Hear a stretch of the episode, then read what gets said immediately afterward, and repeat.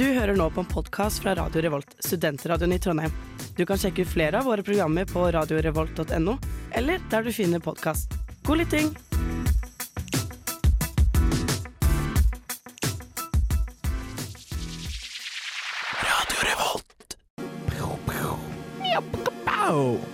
Velkommen til en ny heftig episode av Nerdeprat.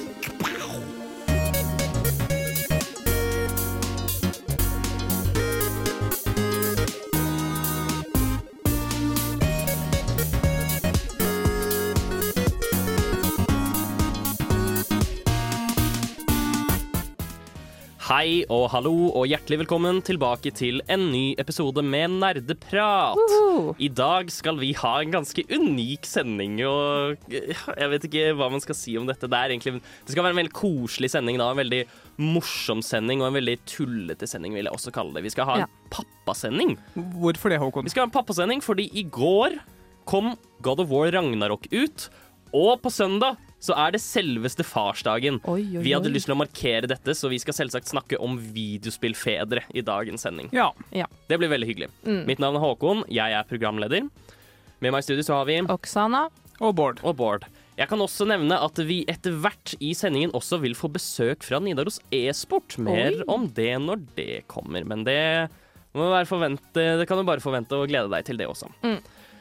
Vi eh, starter som vi alltid gjør med å ha eh, en liten innsjekk av eh, hva vi har gjort siden sist. Og ja, vi skal gjøre det nå også, faktisk. Um, eller etter vi har hørt Happy av Slutface. Haha, du aktiverte nettopp mitt trap card. Nå er du nødt til å høre på nerdeprat til episoden er ferdig. Nani?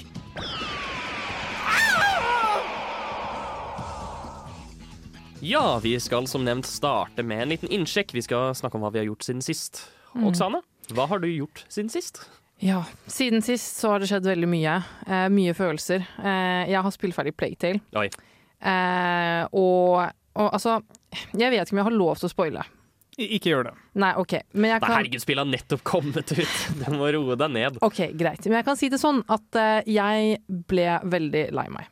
Jeg gråt veldig mye. Eh, det var egentlig litt trist å være ferdig. Um, og, men muligens kanskje fått et hint om kanskje det kommer et nytt. Ja, har du begynt å savne rottene?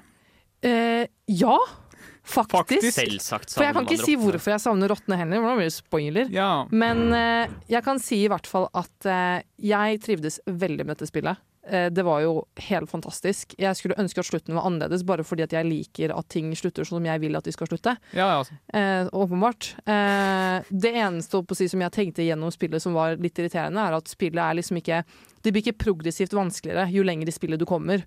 Hvert chapter varierer i vanskelighetsgrad. Så noen chapter som er liksom langt ute i storyen, kan være dritlette, og så plutselig blir det dritvanskelig, og plutselig blir det dritlett. Men det kan jo, kan jo gi mening, sånn Jo, historisk eh, plottmessig, liksom. Men det liksom startet rolig, og så ble det litt vanskelig, og så ble det litt lettere igjen, og så ble det litt vanskelig, og da var jeg litt sånn Jeg foretrekker heller at det på en måte går litt på en måte fremover, Ja. hvis du skjønner. Det fungerer jo på en måte fra et eh, Det kan fungere fra et eh, narrativt perspektiv, men stort sett så vil jeg aldri støtte det fra et gameplay-perspektiv. Nei. Nei. Så for- det, det gir ikke mening at ting skal bli lettere etterpå. Nei, men type Jeg merker det ved Outriders, en kort digresjon. Altså Av og til så bare møter du opp med folk, og så har de historie å fortelle. Du har liksom, du, har- Mm. det har et rolig tidspunkt i spillet Mm. fordi det gir mening. Du må liksom få mer plott. Og da Mm. gir, men så, så klart, det skal ikke vare så lenge. Det skal Ja. gå videre. Det handler jo også litt om mestringsfølelsen, Ja. føler jeg. da At Ja. eh, Hvis det vanskeligste kommer helt først, så føler du på en måte ikke stor mestringsfølelse av å ha holdt ut. Nei. hele Nei, ikke sant. Så slutten på en måte var egentlig veldig Den var på en måte litt mer sånn historiefortelling. Da. Det var liksom, slutten var veldig rolig. Det var liksom ikke noe spesielt som skjedde i slutten. Det var liksom en stor plot twist, og så var du sånn Og så gråt du, og så var jeg ferdig, og så ble jeg Ja. Men i hvert fall ut ifra det, det som, er, ja, som jeg nevnte i sted, at det kommer kanskje en oppfølger. Eller Mhm. etterfølger av dette. Kanskje ut av en liten sånn sneak peek i slutten. Og jeg håper virkelig, virkelig på det. Eh, men håper å si en liten digresjon til det igjen, er at når jeg var ferdig, så var jeg sånn nå må jeg finne meg noe nytt å spille. Ja. Eh, og jeg vil fortsette på en sånn kjærlig på en måte streak, hvis du skjønner. Noe hyggelig å spille, noe som er litt sånn følelsesladd, noe som er litt romantisk kanskje. Mm. Trykka inn på romantikk-hashtagen eller taggen på Steam. Og jeg fikk så sjokk, for jeg var ikke aware av steamporno Steam-porno slash hentai. Dette var nyheter for meg. har, du, har du ikke venner som har oppdaga Nei, jeg har ikke sånne venner. Ja, men Hvordan kan ingen av vennene dine ha oppdaga at det her finnes? Jeg vet ikke, det er liksom ikke, Man skriver liksom ikke inn hentai på Steam. Nei, men det, det har jo dukka opp på forsiden for mange folk som overhodet ikke er interessert i det, bare fordi det har vært populært. Nei, ikke hos meg. Da har jeg så bare ikke tenkt på det. er bare faktisk ignorert det. altfor populære på Ja. Steam. Det Det er er, det er nettopp det. Ja, Så jeg har funnet ut av det. da jeg kan, Man kan faktisk simulere porno eller hentai på Steam, og så blir jeg veldig sjokka, og så blir jeg disgusted, og så skal jeg aldri inn på romantikk-taggen ever again. Lurt. Mm. Alt som finnes på internett, altså. Ja. Er det ikke Er det ikke noe å beundre, holdt jeg på å si? Nei, jeg er ikke så glad i sånt. Jeg syns det er litt ekkelt. Ja. Ja, faen, du hører så jævlig på nerdeprat. Altså, det games, og det prates, og det nerdes, og det er litt. Det er helt sykt litt når Nerdeprat snakker om videospill og nerdeting. Vi snakker om hva vi har gjort og spilt siden sist. Jeg kan starte her. Eh, Jeg har vært syk, um, og jeg har jobbet med studier. Så jeg har ikke hatt tid til å spille så mye. Nei.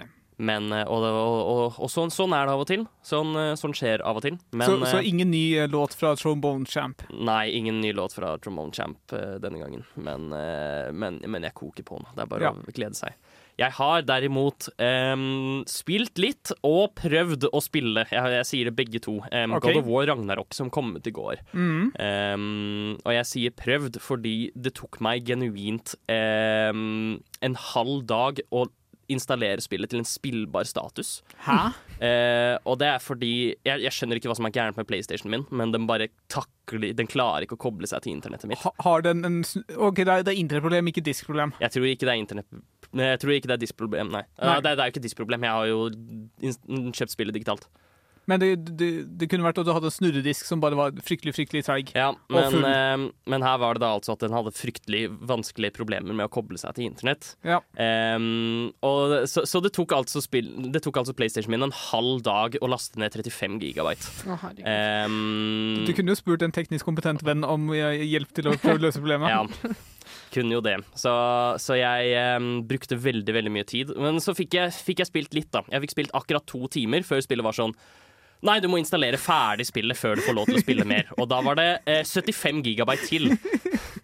Som da tok resten av kvelden. Så jeg fikk jo bare spilt to timer God of War Ragnarok eh, før, eh, før PlayStation min sa nei, nå må jeg bruke all min konsentrasjon på å installere 100 gigabyte spill. em, før du får lov til å spille mer. Ja. Så det var litt irriterende, men det gikk jo på en måte fint òg. Jeg fikk i hvert fall spilt to timer, som eh, jeg satte pris på, og det var veldig bra. Det er Det jo noe. er em, utrolig sterk åpning. Det starter på en måte direkte med et uh, ganske viktig plotpoint fra slutten av uh, God of War 2018. Um, så så de, de hopper midt inn i action, og det skjer ganske mye ting umiddelbart. De, har- de har fanget meg allerede, på en måte. Mm. Og det, jeg, jeg gleder meg til å spille mer. Ja. Så det er superlovende. Så bra. Bård?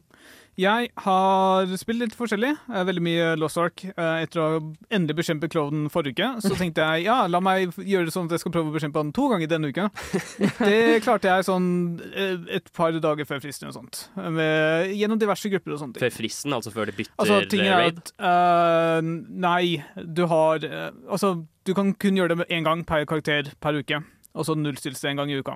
Så du må liksom Å, ja. Um, hvis du ikke gjør det, så får du jo et nytt forsøk, men da går du glipp av belønningen fra den forrige uken. ja, skjønner. Det er for å forhindre liksom, at du liksom hopper opp i eh, liksom, kraft og økonomi og alt mulig sånt på lansering. Uh, MMO-greier. Mm. Men uh, utenom det så har jeg plukket opp utvidelsen til Rimworld, som kommer ganske nylig. Fordi Ja. Rimworld er et kolonisimulator uh, som lar deg styre en befolkning, eller en kolon noen kolonister. Og da, Tidligere så har det ikke vært mulig med liksom graviditet eller liksom å få avkom, men nå har de endelig lagt til det. Og også liksom genmodifikasjon og sånn mer fokus på gener og liksom arv, som er veldig interessant i et spill som eh, fokuserer hovedsakelig på liksom mennesker og hvordan de kan overleve da i en postapokalyptisk sivilisasjon. Ja, det er jo Ja, det er jo faktisk fint. Ja, For de som ikke har prøvd Dreamworld ennå, test ut. Eh, det går nesten aldri på salg, men det går helt fint fordi det, er, et- det koster sånn 200 kroner for basisutgaven og 200 kroner for utvidelser. Bare plukket opp hvis du er interessert i simulatorspill. Generelt det spillet vil anbefale. Ja. Som kan være verdt prislappen yep. til tross. Uh, I tillegg så har jeg vært så vidt innom eh, Need for Speed Heat, som er, jeg plukket opp for 35 kroner tidligere i høst. Uh, Need for Speed er utrolig morsomt, har jeg kommet tilbake til og innsett. OK? Bare, bare bilspill i eh, liksom urbant landskap, hvor du kan kjøre om dagen, du kan kjøre om natten, du kan bare kjøre det spillet og unngå politifolk som jager etter deg. Det er jo faktisk gamernes drøm Mm. eh, å løpe fra snuten. Men også det å plukke det opp for 35 kroner Ja, tidligere ikke minst. Det var eh, Ikke minst det er virkelig gamernes våte drøm. Ja. Um, om man kan si det på den måten. Det er et scoop. Det er, eh, er det fortsatt på salg? Nei, det her skjedde for sånn noen uker siden. Okay. Oh, ja. Trist, men uh, følg med da, i tilfelle ni Jeg, jeg tror de skulle liksom promotere oppfølgeren som kom jeg, jeg burde nesten vurdere det, fordi jeg har egentlig aldri gitt Need for Speed-serien en sjanse. De er ganske Men, uh, men jeg syns vet- det er gøy å kjøre bil. Ja, altså det er veldig bra for det det er. Ja. Nerdenytt.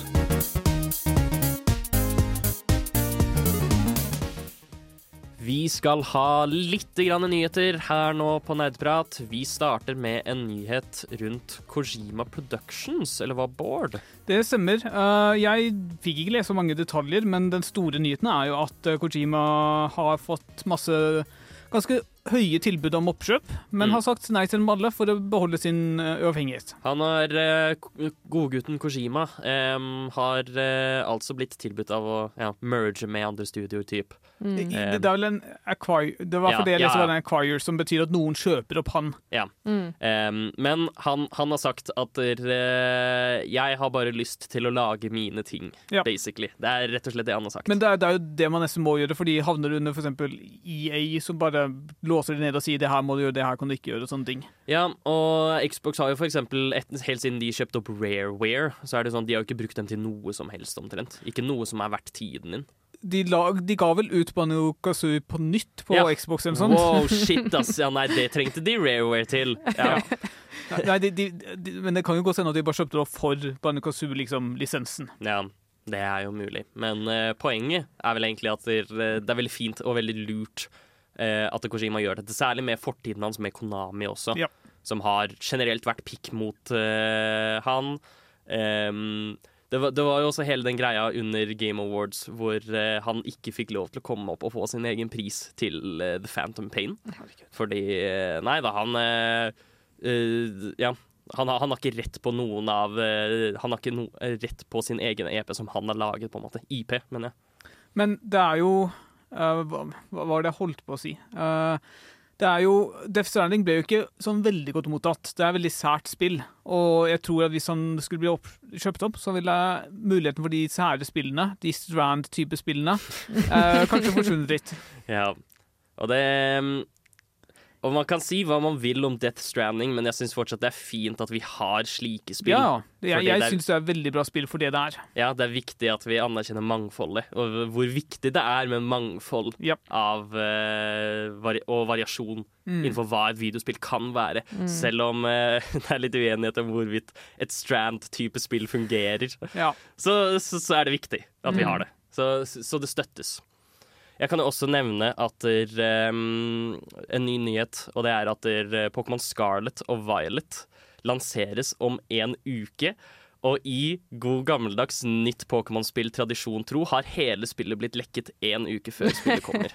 Er det noen kontroverser rundt det?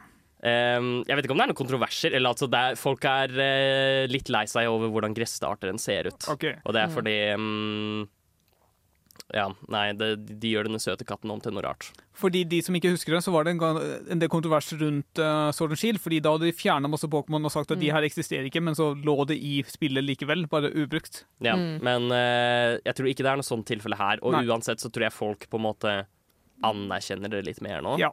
Og at det ikke er et like stort problem for folk.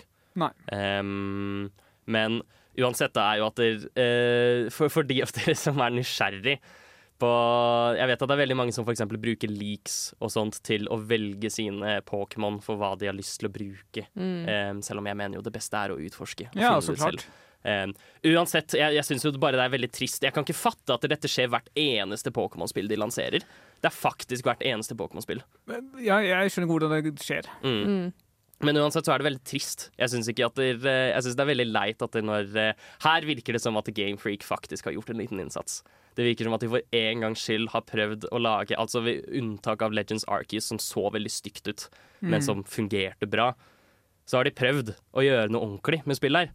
Um, og da er det trist at der, eh, det, det skal lekkes og ødelegge moroa igjen, på en måte. Har du store forhåpninger? Jeg gleder meg. Det, jeg skal ikke si jeg har store forhåpninger, men jeg gleder meg. Og jeg liker de nye Pokémon-designene. Du tror det blir bedre enn Sword and Shield? Det, ja, definitivt. Ja. Det blir det jo selvsagt. Det er uansett en ny utvikling av Pokémon, så det er bare generelt bra. Ja. Har vi noen siste kjappe nyheter? Det har vi. Eh, blant annet så Vermintide var gratis nå nylig, og visstnok så kom det ti millioner nye spillere eh, til spillet, så det er ganske utrolig hva en gratis gratisperiode kan gjøre med det. Ja, jeg er en av de. Så bra. Men eh, det er bare interessant å se hvordan det eh, kan skje, da. Det, det skal ikke så mye til annet enn å bare gi gratis ting. Det er veldig fint å høre, da. Mm. Ja, Så får vi se hvor mange av dem som faktisk blir værende. Vi får, det får vi se.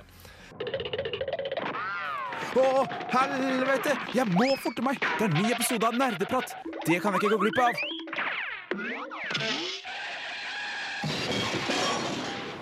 Det stemmer, du hører på Nerdeprat, og vi skal snakke om fedre. Pappa! Hurra! Eh, din far, Håkon? Eh, ikke, ikke min far, nei.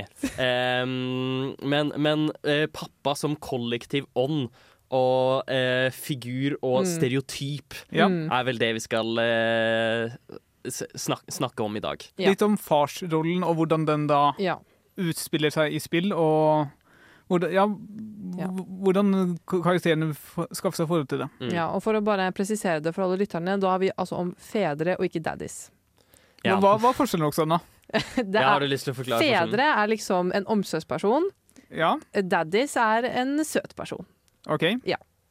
Daddies er liksom sånn eh, Det er de vi simper litt over. De har de, de, har de eh, omsorgelige trekka til seg, men du ser på dem på en annen måte enn en omsorgsperson, er Ja. vel det man kan si. Stemmer. Um, vi skal ikke simpe nei, i dette er en helsom Mm. kristen sending. Ja. Um, ikke noe, ikke noe synding her. Vi skal ikke tørste eller noe sånt. Vi skal snakke om fedre og hva som gjør de bra. Mm. Jeg kan starte, um, fordi selvsagt vi skal snakke om uh, videospillfedre og sånt, og det, det naturlige introduksjonsspørsmålet her er hva gjør egentlig en god pappa? Altså sånn ut ifra liksom bare erfaring da, med fedre i spill generelt, er jo at en god pappa skal redde. Altså han er, han er din redningsmann, på en måte. Mhm. Han er den som passer på. Eh, og at han, han har liksom sine veldig sånn stereotypiske pappating. Sånn han er litt sliten, han, er, han har litt kjøtt på Han har litt flesk Hva heter det? Flesk på benet? Hva heter det? Litt kjøtt Ja. Ja, Han, ja, skjønner. han er litt chunky, og så er han liksom litt irritert og litt sånn grumpy, men han er fortsatt liksom Han er villig til å gjøre alt da for sitt barn. Mm. Ja, det er jo ofte det du ser, men også det er jo den, spesielt den beskyttelsesinstinktet til å Mm. liksom forsvare Mm. eh, enten ungen din eller eh, noe som har rollen som en altså, som noe som trenger beskyttelse. da. Det Ja, trenger ja, ikke nødvendigvis være biologisk unge eller adoptiv unge. Det kan bare være et barn du har funnet, eller en, min, altså, en mer sårbar person som har Mm. funnet som du har lyst til å beskytte. Mm. Enig. Så det er liksom Fedrene vi ser på, da, de er gjerne sånn ja, fordi Det er kanskje det som ofte karakteriserer fedre i f.eks. videospill. At de skal redde eller passe på. Men det er også liksom de, de, de personene som kommer med pappahumor, og som egentlig bare Ja. eksisterer som komisk element. Fordi jeg syns det er et ganske viktig trekk til en god pappa. da, ikke sant? Ja. Eh, at de, de skal ha litt sånn derre Litt sånn dum pappahumor, og litt Mm. sånn derre eh, Og de skal lære deg liksom life lessons Mm. og sånn type ting Prøv- gjennom sin dumme pappahumor. Prøve å forsørge familien sin, sånn som Homer Simpson, men egentlig ikke klarer det fordi de er ikke helt fungerende. Ja, Homer Simpson er et kjempegodt eksempel, fordi han er en, han er en uh, like god familiefar som han er en helt elendig familiefar.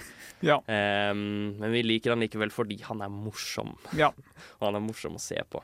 Ja. Men um, om vi da tenker på um, dagens uh, sending, så skal vi da gå litt mer inn på hvordan uh, fedrene som oftest er fremstilt i videospill. Mm. Vi skal se litt nærmere på em, hvordan de, de typiske tropene av fedre i videospill, som for eksempel den grumpy faren som vi snakket litt om. Mm. Um, og så etter hvert så skal vi også kåre de verste fedrene av dem alle.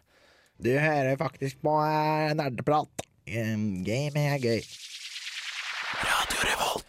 Nå skal vi snakke litt om eh, videospillfedrenes representasjon i spill. Altså liksom hvordan pappa som konsept er representert i spill. Vi skal Mm. gå litt mer inn på ehm, de litt mer beskyttende egenskapene og de litt mer liksom Å, den grumpy faren, stereotypen etterpå og sånt. Mm. Men nå spør jeg dere spesifikt. Hvordan føler dere liksom faren er representert i videospill? Eh, jeg har faktisk Jeg har én holdt på å si tanke, eller en assosiasjon med fedre i videospill, er at det er eh, Suburban Dad Gone Bad. Hva- OK, nå må du utdype. Altså Det er en helt vanlig far. En suburban vanlig far som bor i et hus, har bil og har kids, og så skjer det noe sykt, og så blir han liksom kul og gæren. Hvis du Ja, skjønner. altså, ja, på en måte.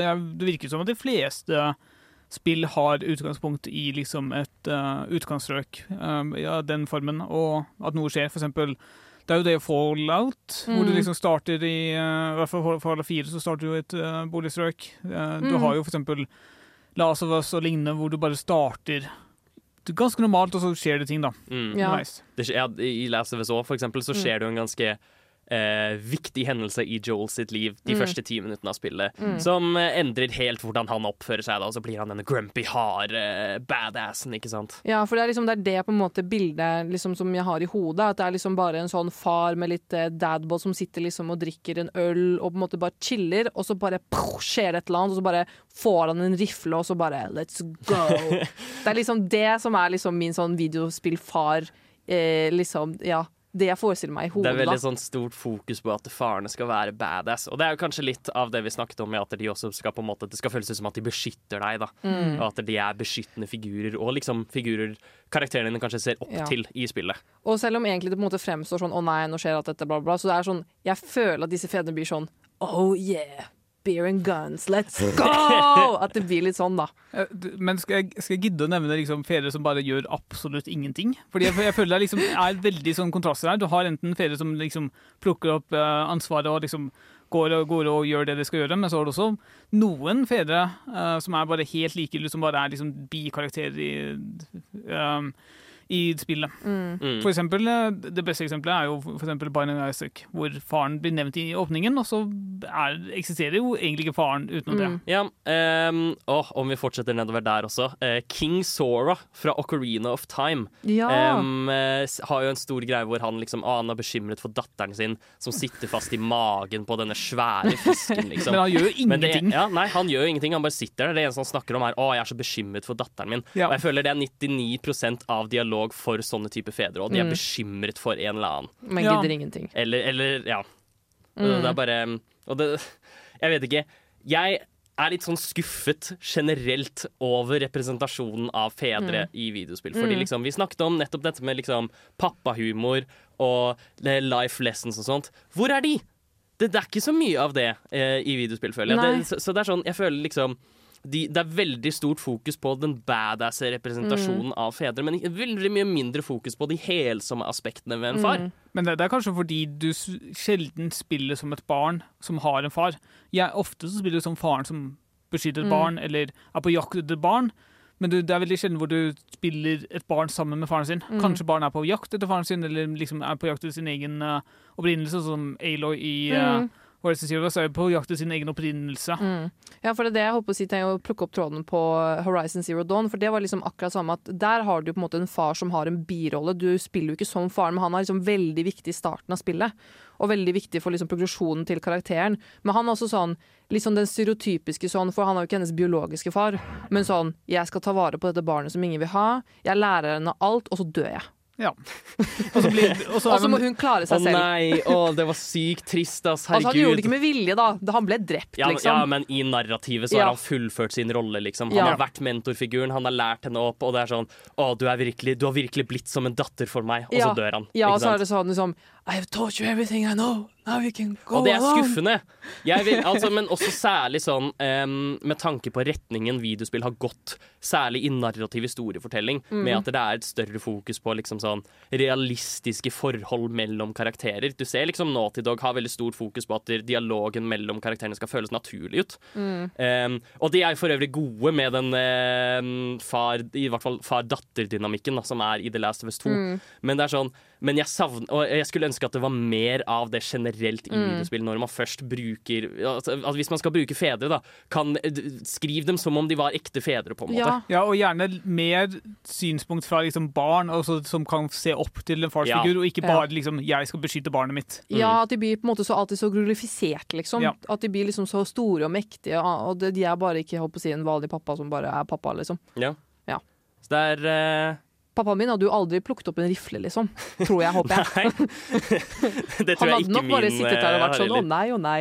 Um, fa fa faren, min, uh, faren min var jo sånn uh, han, han satt nede på Vi kalte det furterommet. Um, og spilte gitar, liksom. Og, og lekte med gitarforsterkere. Og så av og til så viste han meg hvordan. Og det var sånn, på en måte. Mm. Det er sånn, ja. Det, det, pappa, far-sønn-aktivitet, føler jeg, da. Mm. Ja. Um, ikke, ikke spesifikt det å fikse gitarforsterkere, altså, men, men liksom noe sånt. En far som prøver å vise barnet sitt et eller annet, ikke sant? Ja. Mer av sånn type dynamikk Mm. ønsker jeg. Mm. Aktung! Aktung! Nerdprat er på igjen, og dette krever din fulle oppmerksomhet. For vi snakker om de mest sofistikerte emnene i historien, nemlig videospill og andre nerdeting. Jeg sa Revolt Det stemmer. Eh, vi snakker om de mest sofistikerte tingene i historien. Um, og Fedre. Nemlig videospill og fedreting, faktisk. Ja. Um, All things dad. alt, alt som har med far å gjøre, eller i hvert fall innenfor videospill. Vi skal snakke om eh, en ganske vanlig, hva skal man si, plot point um, veldig mange spill gjør for å liksom skape handling, da. Em, For å gi ytre motivasjon for uh, karakteren din og deg selv uh, når du spiller. Og det er uh, gjerne at det liksom du, du tar rollen i et videospill som en far, um, der målet, der hovedkarakterens ytre motivasjon er å redde barnet sitt. Eller, eller beskytte barnet sitt. Beskytte barnet sitt på en, en eller annen måte. Um, om vi starter med for eksempel eh, en superenkel eksempel her. Um, det aller første spillet, Harry, uh, i Silent Hill-serien. eh, Harry Mason, som da er hovedkarakteren, mister barnet sitt eh, i en bilulykke. Bokstavelig talt mister. Hun forsvinner, liksom. Um, det er ikke sånn at hun dør, eller noe sånt, hun bare forsvinner. Og så ser vi fotspor som leder inn i Silent Hill. Så han må da trosse på en måte de skrekkelige tingene som finnes der. um, og prøve å redde barnet sitt. Og der er det sånn Vi får jo ikke noe inntrykk av hans personlighet som far. Eh, eller noe sånt Han, han gir jo ikke noe på en måte utløp for. Liksom. Han gir ikke noen sånn daddy jokes eller eh, um, har noe grumpy attitude eller noe sånt. Han er en person em, som ønsker å redde barnet sitt. Og kanskje mer fokus på liksom skrekken og liksom, altså bekymringene man har ved å komme inn i det byen, og ikke nødvendigvis så mye knyttet til forholdet mellom deg og barnet sitt. Nei, det, det, er jo ikke det er jo ikke det det spillet fokuserer på i det hele tatt. Det er jo liksom skrekken rundt som Ja. er eh, det definitivt eh, hovedpoenget med spillet. Men det, det legger jo likevel til noen stakes, i hvert fall hvis du klarer å bli nær eh, Harry på noen som helst måte. Hvis du klarer å bli nær Harry Mason, så vil du naturligvis også håpe liksom, at der- han klarer å redde barna sitt. Ja. naturligvis. Det, det, det, det legger en slags ny eh, grad av alvorlighet til situasjonen. Mm. Kan vi bare avklare nå at vi er, det er greit å spoile Silent Hill? Siden det er så gammelt. Det, ja, det første Men- Silent Hill går fint. Ja. Ja. ja, enig. Ok, Hvordan er det han redder barnet sitt? Um, ja, fordi Spoilers, han gjør det ikke. um, ki- ki- kiden hans dør, og så blir hun reinkarnert som en ny baby. Em, og den, den babyen eh, er hovedkarakteren i Silent Hill 3. Ja, ikke sant? Um, ja. Der òg, for øvrig. eh, Silent Hill 3, da får man jo faktisk eh, blikk av Harry Mason som far. Og der er han en, eh, så vidt jeg husker, en alkoholisert person som prøver sitt beste å ta vare på kiden sin, som prøver å finne ut for mye om sin fortid. Men så er det ungen som tar vare på han. Ja, typ. Ja. På en måte. Der blir han også eventuelt drept etter hvert. Så gøy. Det er veldig alvorlige spoilers for Silent Hill her nå, faktisk. Men ja. Em, poenget, da, eh, og, det, og en liten digresjon, for å være helt ærlig. Fordi vi, vi snakker selvsagt om ja, liksom at de prøver å redde barnet sitt. Da. Eh, et annet eksempel her er eh, Heavy Rain.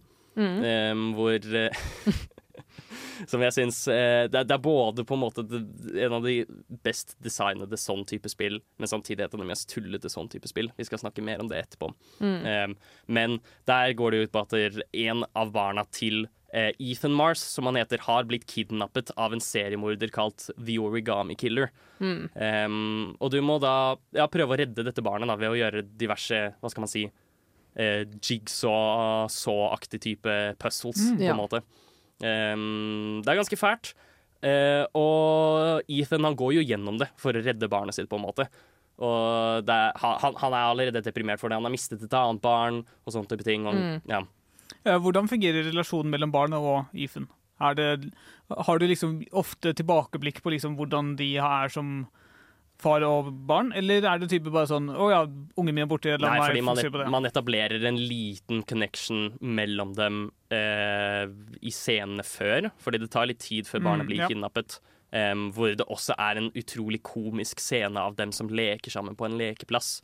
Um, hvor avhengig av hvor, hvor mye innsats du legger i det, da, så ser det ut som at der, eh, Ethan virkelig ikke bryr seg i det hele tatt om å gjøre kiden sin glad på lekeplassen. okay. Det er kjempegøy. Men um, det er en kjempebra hook. Um, at han liksom blacker ut, og så våkner han opp, og så er kiden ingen sted å finne. Em, og så bare får du vite at han har blitt kidnappet av den seriemorderen.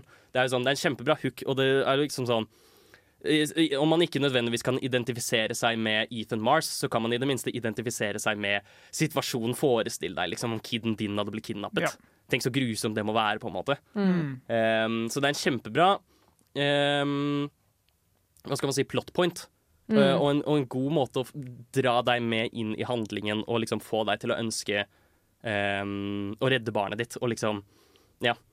Men, men, men, men det, det, det gir ikke så veldig mye om faren, da. Eller Eh, om barnet. Nei, vi får, vi får se faren og dems liksom vilje til å redde barnet sitt, Mm. em, som er fint. Men som vi har snakket om, det er, liksom, ja, det, er det beskyttende aspektet som virkelig kommer frem her. Og, Og det og, det, fordi jeg kommer til å savne liksom det å ha kobling mellom far og barn. ja. Det er, eh, er, og det er det vi trenger mer av. Og det er en veldig fin ting som har skjedd mye av, og det er det vi skal snakke om nå, nemlig tropen som er grumpy far som eventuelt varmes opp til barnet. Og det skal vi snakke om eh, etter vi har hørt 'Everywhere' um, av My Brother's Pants. Martin, gutten min, du må komme deg middag! Å, mamma! Jeg kan ikke sette på pause nå! Jeg er midt i en heftig episode av Nerdeprat! Da var vi tilbake, og vi må sette pappapraten litt på pause. Um, fordi vi har nemlig fått en gjest inn i studio. Um, har du lyst til å introdusere deg selv? Ja, hei. Jeg heter Elias eh, Mikkelsen. Uh, gamertag uh, Eyam. Eh, er det for å snakke om eh, Rocket League-sluttspillet på Spillekspo. Ja, fordi ehm, du kommer da altså fra Nidaros e-sport. ehm, som eh, nylig har kvalifisert seg til sluttspillet i Rocket League i Telia-ligaen. Yes. Ja, gratulerer med det. Tusen takk. Um, kan du fortelle oss litt grann om Nidaros e-sport? Sånn Hva er det, for de som ikke vet? Ja, det er en eh, organisasjon som er starta opp her i Trondheim. Mm. Uh, hvor de fokuserer på forskjellige spill. F.eks. For Valorant, Rocket League og Smash. Mm. Uh, ja, jeg tror de starta opp for ett år siden eller noe. Ja, Så det er et e-sportlag, basically. Mm. Um, og så nå har dere kvalifisert dere til, uh, ja, som nevnt, Sluttspillet. Uh, sluttspillet. Eh, hvordan føles det å være i toppsjiktet? Ja, nei, det er ganske deilig. Ja. Gikk jo fra Jeg personlig i alle fall gikk fra rykkende sesongen før til noe sluttspill, da, så det er ganske deilig. Mm. Men er er- dette liksom toppen? Ja, er dette liksom det, det- høyeste nivået man kan nå i Norge? Er liksom dette sluttspillet? Der det er best? Ja, det er på en måte eliteserien i Rocket League, da. Mm. Ja, OK. Og det er ikke verst. Um, fordi jeg så jo også at dere um, Ja, fordi dere er jo et relativt ungt uh, e-sportslag. Ja. Em, og jeg så også at der, um, I RLCS-kvalifiseringen så handlet de i topp 40. Ja. Um, og det er jo altså RLCS til referanse er på en måte e-sportens Champions League. For Rocket League eller for alle e-sporter? for alle e-sporter, vel?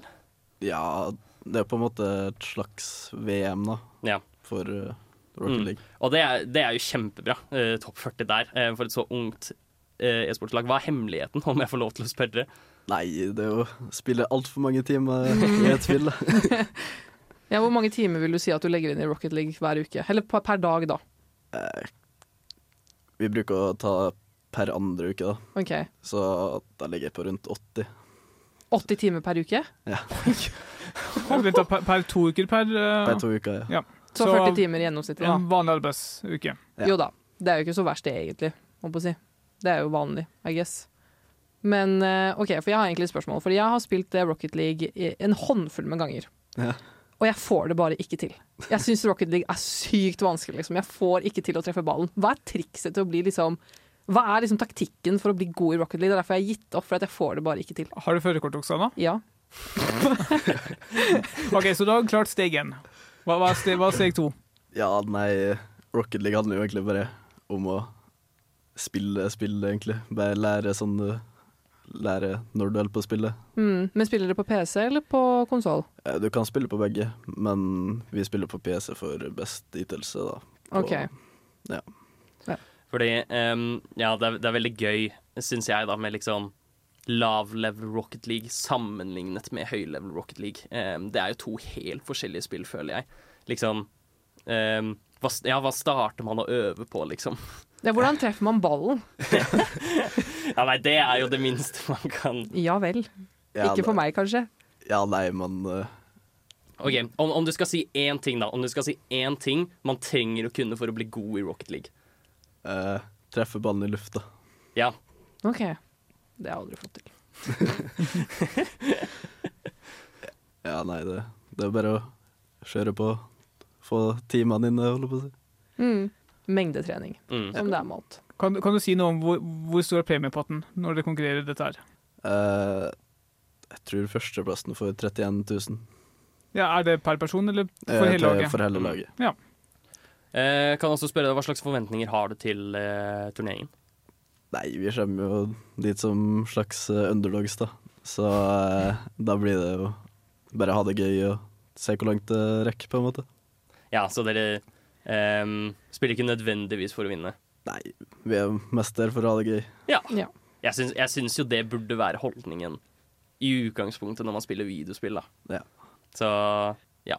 Mm. Det er bra, bra sted å konkludere på. Det er fint. Vi ønsker deg eh, lykke til med sluttspillet. Mm. Og nå skal vi gå videre til å snakke mer Om fedre. eh, mer om fedre.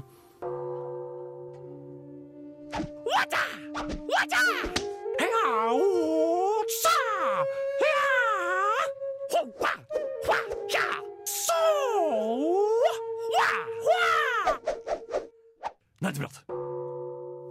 Nå er vi tilbake til å snakke mer om fedre. Jeg nevnte før, uh, før vi fikk besøk at vi skulle snakke om uh, tropen som best kan kjennes, opp, kjennes igjen som en grumpy mann eh, fa slash farsfigur-aktig Mm. fyr.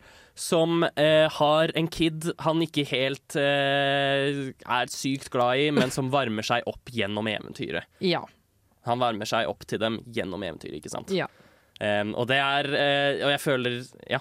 Nei, jeg bare skulle bare komme med et spørsmål, fordi jeg kom ikke på så veldig mange åpenbare eksempler, men jeg lurer på The Walking Dead, er det et greit eksempel? Um, for jeg vet ikke om jeg ville kalt Lee en grumpy far. Nei, han er kanskje ikke det. Han er, uh, altså Lee er jo definitivt uh, Hele poenget der er jo at han er den karakteren du former han til selv. Ja. Um, vi skal snakke mer om uh, Lee etterpå, men at der um, ja, det, det, det, det, kjenner, det er på en måte ikke det som kjennetegner da. Mm. Det, som virkelig har på en måte fått denne tropen til å ta av, er jo The Last of Us. ja, og det er liksom den derre I just want to grill, god damn it-stemninga, liksom. Ja. Ehm, eller eller liksom sånn eh, jeg, føler, jeg føler det som virkelig definerer eh, grumpy far, Mm. eh, er eh, jeg er ikke sint, bare skuffet. ja. Mm. Den følelsen du får eh, av den setningen, eh, det er en grumpy far. Det er det som er Mm. eh, utgangspunktet for det. Mm. Um, og det er sånn, Hvis man for eksempel ser på det nye God of War, um, hvor du da spiller Kratos, som nå har fått en ny sønn, Atreas, um, og liksom forholdet de har med hverandre, Mm. er jo de, selve definisjonen av det. Det burde vært et sånn meter som viste liksom hvor sint han er i forhold Mm. til hvor skuffet han er. Men vil du si det er et krav at ungen kommer inn i bildet på ganske relativt sent i prosessen, eller kan man ha en unge som liksom har vært der hele tiden, som man da blir mer, bygger opp et bedre forhold med?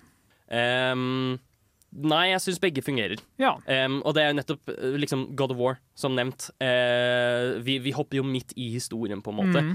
Men da blir vi også kjent med Kratos, um, som prøver å oppdra sin sønn Atreas. Og de på en måte, forholdet deres er litt strained i starten, men etter hvert som man går gjennom eventyret, så ser man at de blir nærere og nærere, på en måte. Ja, det er jo sånn det er med mennesker. Altså. Veldig unge mennesker er det vanskelig liksom, å forme bånd med fordi de, de er bare unge. De, de vet ikke helt Mm. hva de gjør, de har ikke noe særlig personlighet. Og det er jo først når de kommer kanskje i, i litt eldre, da, at de faktisk får en personlighet, og det er lettere å liksom fakt, uh, hva skal knytte mer personlighetsbånd, da. Mm. Men der er det også sånn, liksom ehm, for, for, om, om man tar God of War som eksempel, så er det jo sånn Kratos er på en måte hard, veldig liksom hard og, mot Keaton sin. Han kaller han boy istedenfor sønn. Mm. Ehm, og, og, og, og sånt. Um, Er ikke det også en trope? Det å kalle ungen bare for boy. Homer Simpson gjør det. Han, han, han kaller gutten sin The Boy. Ja, ja, men jeg har det fra et eller annet annet sted også. Å ja. You little man. Ja. Ja. Ehm, men, um, og, og der er på en måte sånn han, han er rettferdig og han er hard fordi han må kunne lære seg å overleve, ikke sant? Mm, og det er litt sånn Ehm, hard kjærlighet. Ja, hard, Hard kjærlighet. kjærlighet. Det, er, Mm. det er på en måte greia der. Men underveis gjennom spillet så ser man både Kratos varme opp til Atreus og liksom bli Vise litt mer kjærlighet. At han klarer å vise mer kjærlighet, samtidig som at Atreus Um, anerkjenner hans kjærlighet mer, på en måte. Men Mm. får han mer kjærlighet fordi han blir faktisk klarer å overleve selv på egen hånd, eller er det bare at man kanskje forstår at, hvor mye han trenger hjelp? Nei, det, det, det, er, det er mer bare fordi det liksom Altså Forholdet deres blir så mye mer naturlig. Um, og der um, Atreus liksom Han oppfører seg på en måte litt sånn um, barnslig. Han tar ikke til seg råd Altså naturligvis, han er et barn. Mm. Um, han tar ikke til seg råda fra Mm. faren sin, på en måte.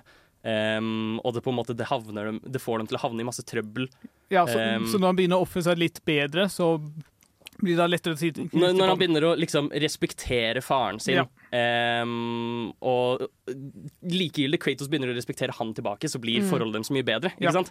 Og det er en kjempegod grumpy far-sønn-dynamikk, Mm. ikke sant? Yep. Fordi der har du på en måte Ja, de varmer seg opp til hverandre over tid. Det er jo også nettopp det The Last of Us er, fordi Mm. der har du liksom Joel, som er denne harde fyren. Han har mistet en datter allerede. Mm. Ehm, og, og når han da plutselig får denne nye kiden din som han må passe på, Mm. og liksom uh, Så er han jo sånn han vil jo ikke det, fordi det eneste han tenker på, han tenker på seg selv og han tenker på at han skal kunne overleve og slikt. Mm. Og da er det på en måte så vondt for han i starten når han eventuelt begynner å bry seg mer og mer om denne kiden. Mm. Um, og helt til det kommer til slutten av spillet, når han fuckings uh, Spoilers for The Last of Us 1, men han dreper et helt sykehus bare for å redde hennes liv, Ja, ikke sant. liksom. sant. Så det, er Ja. Det, er liksom eh, broken father finner, finner sin mening ja. i et barn som ligner på Mm. hans døde. Og det som kanskje fungerer best em, med Altså det jeg syns fungerer så godt med en slik dynamikk, er jo at der, em, vi, vi får på en måte se ikke bare at det liksom fa faren eh, åpner seg mer opp, og det er givende, og på en måte se han være mer sårbar, Mm. men også at vi får se the first hand, at de blir nærere, og relasjonen er bygd så realistiske. At Mm. du føler Her føler du virkelig det liksom far-sønn- eller far-datter-båndet Mm. som vi så desperat ønsker mer av. Du Ja. føler det, liksom, og du ser det skje. Du ser de blir glad i hverandre. Du ser de blir mer glad i hverandre, på en måte. Mm. Så det er eh, det, for, for, Folk har eh, blitt litt sånn lei av den eh, tropen, har jeg sett, men jeg vil ha mer av det. Personlig. Vi skal nå høre fra en mann som er veldig langt unna hva han syns om programmet Nerdeprat på Radio Revolt. Nerdeprat er veldig gøy! Vi snakker om nerdeting og dataspill! Sånt liker jeg! Det gjør vi, og vi skal snakke om eh, kanskje en av de aller beste videospillfedrene, syns jeg, da. Mm. Eh, eller i hvert fall en av de beste videospillfarsfigurene. Mm. Vi skal snakke om eh, The Walking Dead. Eh, første sesong av eh, Telltale sin eh, spillserie Mm. med samme navn. Ja. Hvem hvem er denne faren, og hvem er han far for? Det er eh, snakk om da karakteren Lee Everett, em, som er em, Personen som du starter med? Ja, du spiller som Lee Ja. Everett. Em, og ja, det, det skjer noen greier. og så finner han denne ene lille kiden som kalles Clementine. Mm. Um, og ja, hun er helt forlatt. Hun vet ikke hvor foreldrene hennes er. Eh, sånn type ting Så Lee bestemmer seg for ja, jeg får passe på deg. Og hun er megasøt. Kan, han velge, kan spilleren velge å ikke redde henne? Nei. Nei. Man må, man må redde Clementine, men hvordan du oppfører deg mot Mm. Clementine, er jo helt opp til deg. Ja, fordi det er det jeg vil spørre om. Kan du forklare hvordan det For dette spillet er egentlig veldig unikt. Ja. Hvordan, er, hvordan, hvordan er gameplay i dette spillet? Hvordan spiller du dette spillet? The Walking Dead var vel kanskje den første spillet som virkelig liksom gikk veien ved siden av Heavy Rain, um, om at handlingene dine har konsekvenser. Um, Hvor uh, hver eneste dialog, ting du har med noen, så får du lov til å velge hva du skal si. Men det var jo ikke så mye konsekvenser. På, på slutten av liksom hver episode så kom det sånn Du valgte det her og det her og det her, og det gjorde det så og så mange andre, men det store plottet fortsatte jo samme sted likevel. Ja, ja. Nei, altså, jeg skal Jeg bare sier at det var det de på en måte Ja. eh, markedsførte med dette Mm. spillet. Um, og det var jo ofte sånn at hvis du reddet en karakter Mm. uh, og lot en annen karakter dø i forrige kapittel, så kom den neste karakteren til å dø i neste kapittel uansett. Ja, ikke sant. Um, så, så det føles ikke ut som at handlingene dine har konsekvenser på den måten, men relasjonene du bygger med andre karakterer, Ja. har noe å si. Um, så ikke nødvendigvis handlingene dine, men relasjonene eh, har veldig mye å si for hvordan spillet bygges opp. Og det samme inkluderer eh, relasjonene de bygger med Clementine. Um, så, så jeg mener jo der at der, der blir du faktisk satt i føttene til en person som må passe på denne lille kiden. Clementine stoler absolutt mest på deg, siden det var du som på en måte reddet henne. Så selv i liksom større situasjoner så vil hun på en måte gå til deg. Kan du ikke i visse situasjoner velge mellom liksom hva som er best for flert, eh, altså, flest, eller hva som er best for henne? Og så, Jo. ja.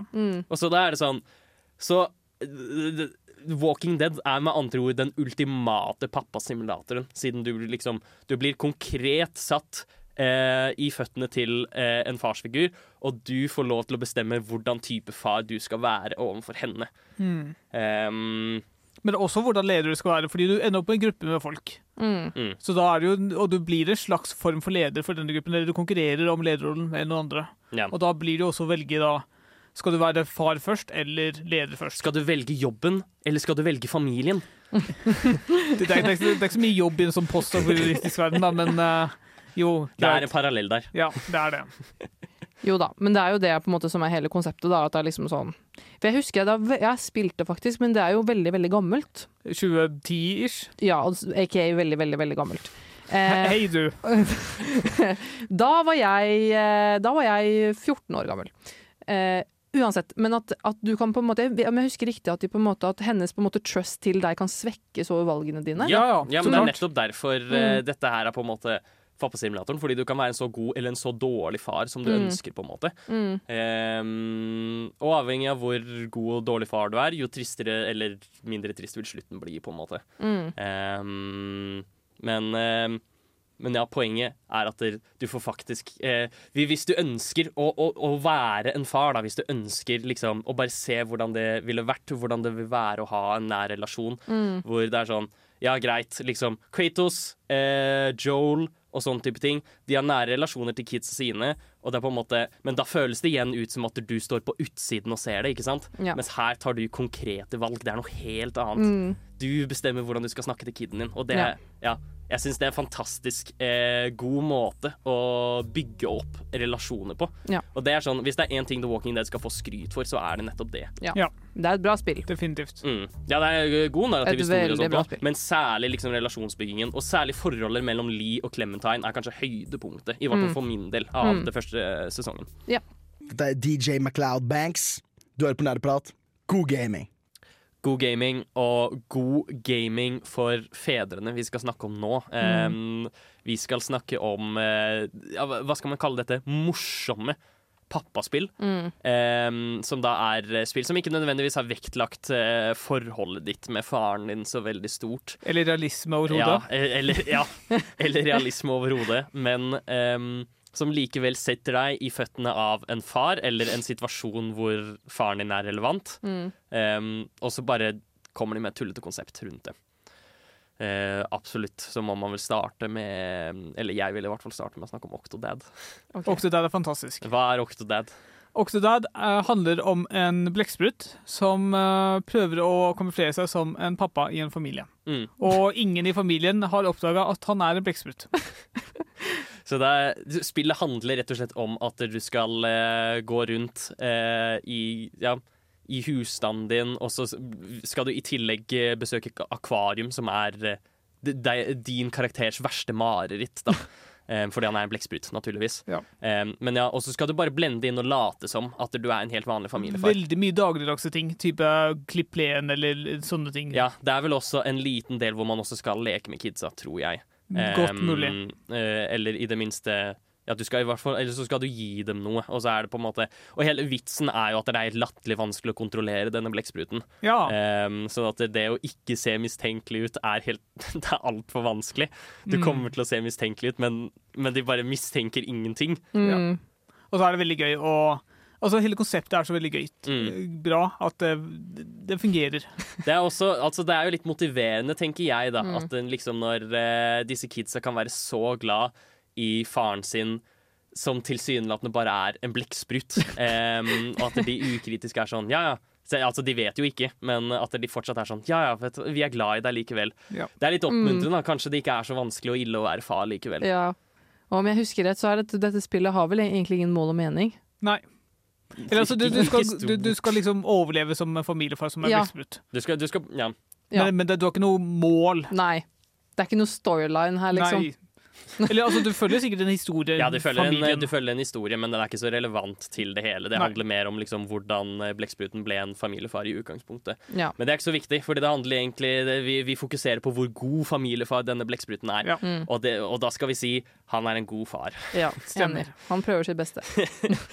Um, ja, virkelig, virkelig noe spesielt der. Mm. Vi kan gå videre til en uh, annen nå, som er sånn Her vil jeg si dette er en realistisk framstilling av uh, et far-sønn-forhold, i hvert fall i ung alder, uh, og det er Shower with your dad simulator. Ja, jeg er enig. Um, spillet går i utgangspunktet ut på at du er i liksom en eller annen felles dusjområde. Type svømmehall eller For lignende. eksempel en svømmehall eller noe slikt. Kids liker jo å gå på svømmehall når de er barn. Mm. Og du Um, liker å ta med ungene på svømmehall, fordi da Fordi det er hyggelig. Ja. Ja. Og så må man dusje etterpå. Ja, så må man dusje etterpå. Og da er det ikke alle kids som eh, vet hvordan man skal dusje ordentlig. Um, så da trenger man litt hjelp av faren sin, og da handler spillet rett og slett om at du skal gå rundt i eh, fellesdusjene og finne din far. Um, Kun basert på liksom ansikts... Altså likhet med deg selv. ja. Uh, hvor, uh, hvor mye de ligner på deg selv, ja. Ja. Og det er bare sånn Jeg syns jo Altså, det er kanskje ikke en like den, den skal jo ikke tas veldig seriøst, og det skal jo være litt sånn tullete i hvordan Ja, hva som kan være et spill, på en måte. Mm. Men det er jo sånn det her er jo en veldig naturlig del av uh, Det her er en ganske vanlig opplevelse. da De fleste ville ha erfart, føler jeg. Ja. Um, man vil jo Og det er liksom også sånn man vil jo ikke gå til feil far, og det er, det er veldig skummelt å være i den åpne verdenen som også er kjent som fellesdusjen. Mm. Um, så, så, så da er det noe fint med å ha tryggheten av sin far i nærheten av seg, ikke sant. Mm. Så det er veldig flott spill på den måten òg. Jeg, jeg syns konseptet har litt sånn problemer, fordi vanligvis så bare tar man unge med seg inn i dusjen og er med dem konsekvent. Men uh, hvis man på en eller annen måte blir forsvunnet i denne dusjen, så er det jo veldig fint å kunne finne tilbake til faren sin. Ja. Ja, finn den som ligner mest på Og deg. det er en viktig, viktig lærepenge, det også. Ja. Um, poenget er vel egentlig bare at der, uh, om, om det virkelig er én ting du skal ta ut av uh, dette, er at der, eh, selv de morsomme spillene kan gi viktige lærepenger om det å være far. Mm. Ja, og i Shower til deg får du se litt peniser. Ja, du, du- får det også. Som sånn, jeg, vet ikke, jeg vet ikke om jeg skal si at det er veldig relevant til Det, det, det er kun du som bryr deg om det. Det er jeg som bryr meg om det. Ja. Men, men liksom Octodad og Shower the Dad Simulator viser oss også viktige erfaringer innenfor et fars liv. Ja, og og ulike peniser. Og at hvem som helst kan være far. Ja, hvem som helst kan være far. Til og med deg! Ikke vær redd. Det, det kan eh, Det er bare å glede seg. Hører du det? Monster! Svette! Lan! Databrus! Det er nerdeprat i sitt naturlige habitat. Og Nerdeprat er i sitt naturlige habitat når vi snakker om fedre. Um, Spesielt dårlige fedre. Og dårlige fedre særlig. Vi elsker å hate på dårlige fedre. Mm. Vi, skal, eh, vi skal kåre noen av de verste fedrene i videospill nå. Um, dis, disse fedrene er bare sånn de, de, de er så jævlig mot barnet sitt. De, hvordan går det an, liksom? Mhm. det, og det, det er vel egentlig det, er det vi baserer oss på. Liksom. Nå har vi snakket om noen eh, Selv om eh, mange av de fedrene vi har snakket om tidligere, kanskje ikke nødvendigvis viser pappatrekk, så bryr de seg i det minste om barnet sitt og Ja. prøver å liksom beskytte dem eller redde dem. Ja. eller noe sånt. Mens disse her prøver ikke det engang. Ja. Um, ja. Skal vi kanskje starte med det vi har nevnt tidligere, med Ja. Heavy Rain? For der tror jeg vi er kanskje litt uenige, faktisk. Godgutten Ethan Mars. Ja. Og det er um, Det er rett og slett fordi um, hvis du velger å spille Heavy Rain på en måte hvor du misser det, det, Heavy Rain kan best beskrives som quicktime event videospillet. Mm. Um, hvor hver eneste lille ting du gjør, uh, er en quicktime event, basically. Okay. Um, og der er det sånn, hvis du bommer eller ikke gjør hver eneste, uh, en eneste quicktime-event, Mm. så kommer Ethan eh, Han fremstiller seg selv som denne utrolig uh, Udugelige. Ja, udugelige, liksom. eh, minst empatiske faren i hele verden. Mm. Det er sånn, Når du er på denne lekeplassen da em, med kiden din, og så liksom Så ber han deg etter hvert om liksom sånn Å, kan du ikke spinne denne spinnetingen for meg? Og når du da liksom løper, og så tar du ikke noe fart, og så bare spinner han bitte litt, og så er han sånn Ja, det var gøy, ja. Eh, og kiden er bare sånn Nei. Åh, nå vil jeg leke noe annet. Han er bare sånn Han bryr seg ikke i det hele tatt. Men, men da er det jo du som spiller som er dårlig far, og ikke Ja, Hunt. ja, for det var det jeg skulle si, jeg òg. Da er det din feil, eller vår feil. Spillernes feil. Også ikke minst, da. Um, la oss ikke glemme uh, det faktum at han fikk den første kiden sin til å bli påkjørt uh, fordi han måtte betale en klovn uh, for en ballong før han kunne gå og finne kiden sin. Men altså, altså det, det, det er honest mistake. Honest mistake, ja. At han ikke klarer å passe Kiden på kidsa løp på andre siden av gata, og så skulle han komme tilbake til faren sin, og så prøvde jo Ethan å redde han, men så ble begge to påkjørt, og Ethan ble skada, og barnet døde. Og så ble han kjempescarred etter det. Ja, men altså, nei, jeg vet ikke. Greit at eh, eh, Greit at kiden er utrolig irriterende dum eh, i hvor mye han roter seg bort og sånt, Ja. men eh, jeg føler da jo at der, eh, Ethan kan gjøre mer enn å bare gå sakte rundt og rope 'Jason! Jason!' Det er det, det, er det han gjør i hele den eh, kjøpesentersekvensen der Ja. man ser han. Ja. Men det er sånn som kan, ikke sant? Det kan jo hende på en måte at man er sliten, barna kanskje mast mye på en dag, ikke sant? Bla, bla, bla. Og at det er en sånn type dag, og så skjer det én mishap, og så skjer dette, og så bare knekker hele livet ditt sammen. Ok, fordi den første, Man får se den første delen av den dagen, og den handler bare om at Ethan får ikke gjort noe som helst. Ja, ja ikke sant. Ka- Kanskje vi skal gå over til en litt mer objektivt dårlig far? Eller fedre. Vi, kan, ja. vi kan gjøre det, men jeg står for at Ethan Mars eh, er ikke en superbra far. Men, vi, men vi, vi får være enige og være uenige. Men han hadde vært en fin far, hadde han fått litt terapi. Anyway, en annen dårlig far. Og dette er en, håper jeg, en far som jeg eh, ikke har tenkt på veldig mange år, og det er jo faren i GTA. Michael, eh, Michael DeSanta. Ja. Å ja, han eh, Ja. GTA 5. Og det er jo fordi um, han tilbringte mye av sin tidlig farskap, holdt jeg på å si, uh, ved å rane banker. Ja. Uh, og gjøre store heists. Mm. Og så slår han seg ned uh, ordentlig, eh, faker døden sin, bla, bla, bla. Eh, og så er i stedet for å hjelpe til og liksom være rundt familien sin, så tenker han bare på hvordan han skal rane flere banker. Ja. Um, og han er bare generelt ikke til stede for kiden sin. Som da, Kiden hans er jo en fullstendig shitbag. Han er jo en drittunge, liksom. Um, men han hadde kanskje ikke vært en drittunge om Michael hadde vært til stede. Ikke sant? Og han er en sånn typisk sånn hardbanka kriminell som bare liksom har en kid og bare bryr seg om penger og eventuelt altså, hva heter det, strippere. Mm.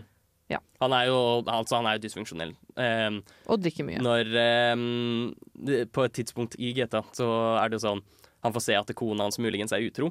Um, og hans konklusjon da er at jeg må rive ned hele platået hans eh, til denne fyren. Ja, så klart. yogatreneren hennes, eller hva det er. Ja. Det er sånn fordi han blir så sur på dette. Han blir så sjalu. Uh, Men du er jo ikke til stede, Michael. Du må gi deg med det. Ja. Jeg er helt enig med dama. ja. Helt enig med kona. Den aller siste, um, superkjapt å nevne, er da Heihachi Mishima fra Tekken-serien. um, som uh, Tekken 1 starter jo med at Heihachi banker opp kiden sin og kaster han av en klippe i håp om at han skal dø. Ja. Um, det, det viser seg jo senere, da, at der, em, Han ikke døde. Eh, at han ikke døde. Så Kazuya Mishima eh, banker jo opp Heihachi etter hvert og kaster navn samme klippen osv. Wow, shit. Eh, men viktigere enn det, eh, i Tekken 7 så blir det revealed at grunnen til at Heihachi gjorde det, var fordi Kazuya har en demon inni seg, fordi kona til Heihachi var en demon eller noe sånt. Mm. Så klart. Men likevel, du skal sette kiden din først. Hvorfor dreper du kiden din? Hvorfor prøver du å drepe kiden din? Kan du ikke se bort ifra det faktum at han er en demon? Du må akseptere ham for den han er. Jeg syns ikke noe om det. Enig. Skjerp deg med det. Det er dårlig farsegenskap, liksom. Når innså du at du var en gamer? Dersom du kunne spilt kun et spill i et år Hva er det eldste spillet i backloggen din? Hva har du lært fra spill som du har fått nyte av i Er det et spill som har hjulpet deg gjennom en tung periode av ditt liv? Hva er ukas spørsmål? Hva er ukas spørsmål denne uken? Oksana. OK. Eh, hvis eh, Ok, nå, jeg, eh, nå skal ikke jeg noensinne bli far, da.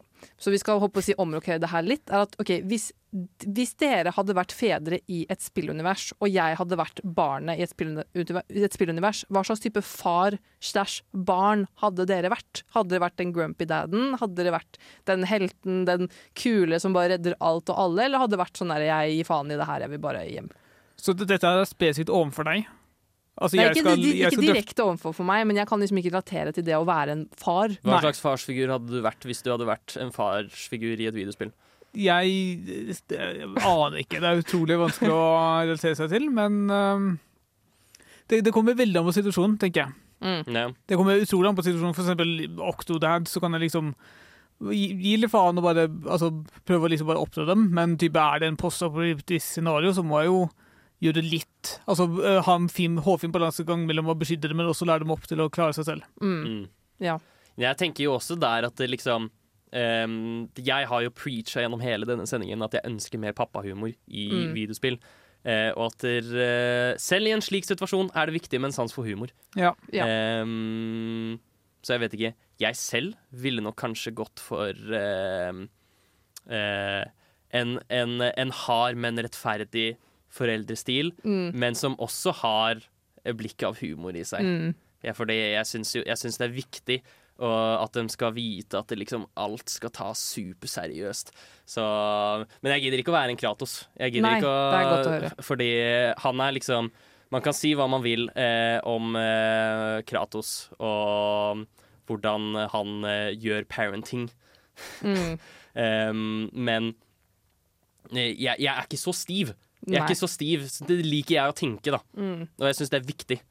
Men jeg er, egentlig, jeg er egentlig veldig enig. Jeg føler Bård hadde vært en typisk Octodad. Bare, du, altså bare gjør det man skal gjøre, og bare være liksom en sånn hyggelig, bare jovial far. Og jeg føler du definitivt hadde vært liksom litt streng, men du har fortsatt et sånt kjærlig hjerte. Hvis du skjønner hva jeg mener. Og jeg hadde jo åpenbart vært barn i det scenarioet for dere begge, og jeg hadde vært det barnet som irriterer dere helt sinnssykt mye. Men dere kan liksom ikke la være da sånn å nei, Oksana blir kidnappa igjen fordi hun stikker av fordi hun skal finne et eller annet, og så bare roter hun seg bort i masse tull.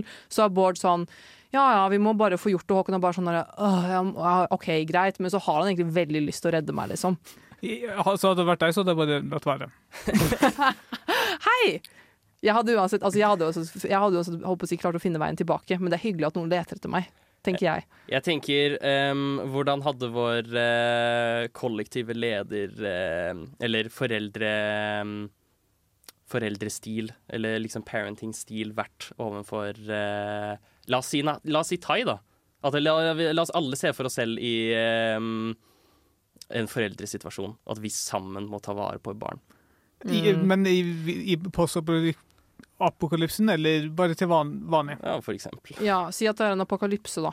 Jeg tror jeg, tror jeg hadde vært Jeg tror jeg hadde vært sånn irritert. Du hadde ikke Jeg tror jeg, tror jeg hadde bare vært sånn irritert. Bare, Tai, kan du bare komme hit? Slutt å løpe dit. Du kan ikke skyte. Jeg hadde nok også vært litt der type sånn du, du vet ikke hva du driver med, kan du slutte, vær så snill? Vi kan jo, fordi jeg tror jo helt ærlig at der, um, hvis man skal kåre uh, liksom familien nerdeprat, så er det jeg og Bård som er foreldrene. 100% Ehm, Det har vi snakket om eh, før. Mens eh, Hva skal man si? Altså det, det vi har nevnt det her Ta jeg er den irriterende storebroren. Nei, fetteren. Og jeg er den irriterende dattera. Men Ja. han er min fetter, som dere på en måte Loki bare sånn «Æ!» Som liksom får meg til å gjøre dumme ting. Ja. Ja. Det, det, det passer ganske godt. Ja. Hva er det du liker best ved studentradioen? Jeg hører aldri på studentradioen. Det var alt vi hadde for i dag. Vi har snakket om eh, fedre i videospill. Snakket om hvorfor representasjonen er litt svak noen ganger, Mm. men hvorfor det fortsatt er veldig gøy å se Ja. fedre i videospill. Og det er veldig det. bra å se God of War nå gjøre et uh, Hva skal jeg si uh, Kjempekamper videre Ja. for uh, fedre i videospillet. Ja, for det er kanskje det jeg er mest spent på med God of War Ragnarok. Om de kommer til Mm. å klare å fortsette å holde den gode far-sønn-dynamikken. Eller Mm. liksom klare å bygge det opp noe videre enn de allerede har gjort. Mm. Det blir spennende å se. Ja. Um, er det noen siste innspill? Ja, god farsdag. Gratulerer med farsdagen som er på søndag. Som er på søndag. Ikke glem å gi faren din en klem. Husk å gratulere faren din med det. Ja, sett pris på han. Mm. Han gjør sitt beste. Og så hvis du er nysgjerrig, så kan du jo da naturligvis sjekke ut God of War Ragnarok, som kom Ja. ut i går. Ja. Har fått veldig god, god kritikk. Mm. Veldig god kritikk. Vi gleder oss. Det var alt. Eh, nå får dere Kristi brud med Spiller ingen rolle. Ha det bra. Ha det. Du har lyttet til en podkast på Radio Revolt, studentradioen i Trondheim. Sjekk ut flere programmer på radiorevolt.no.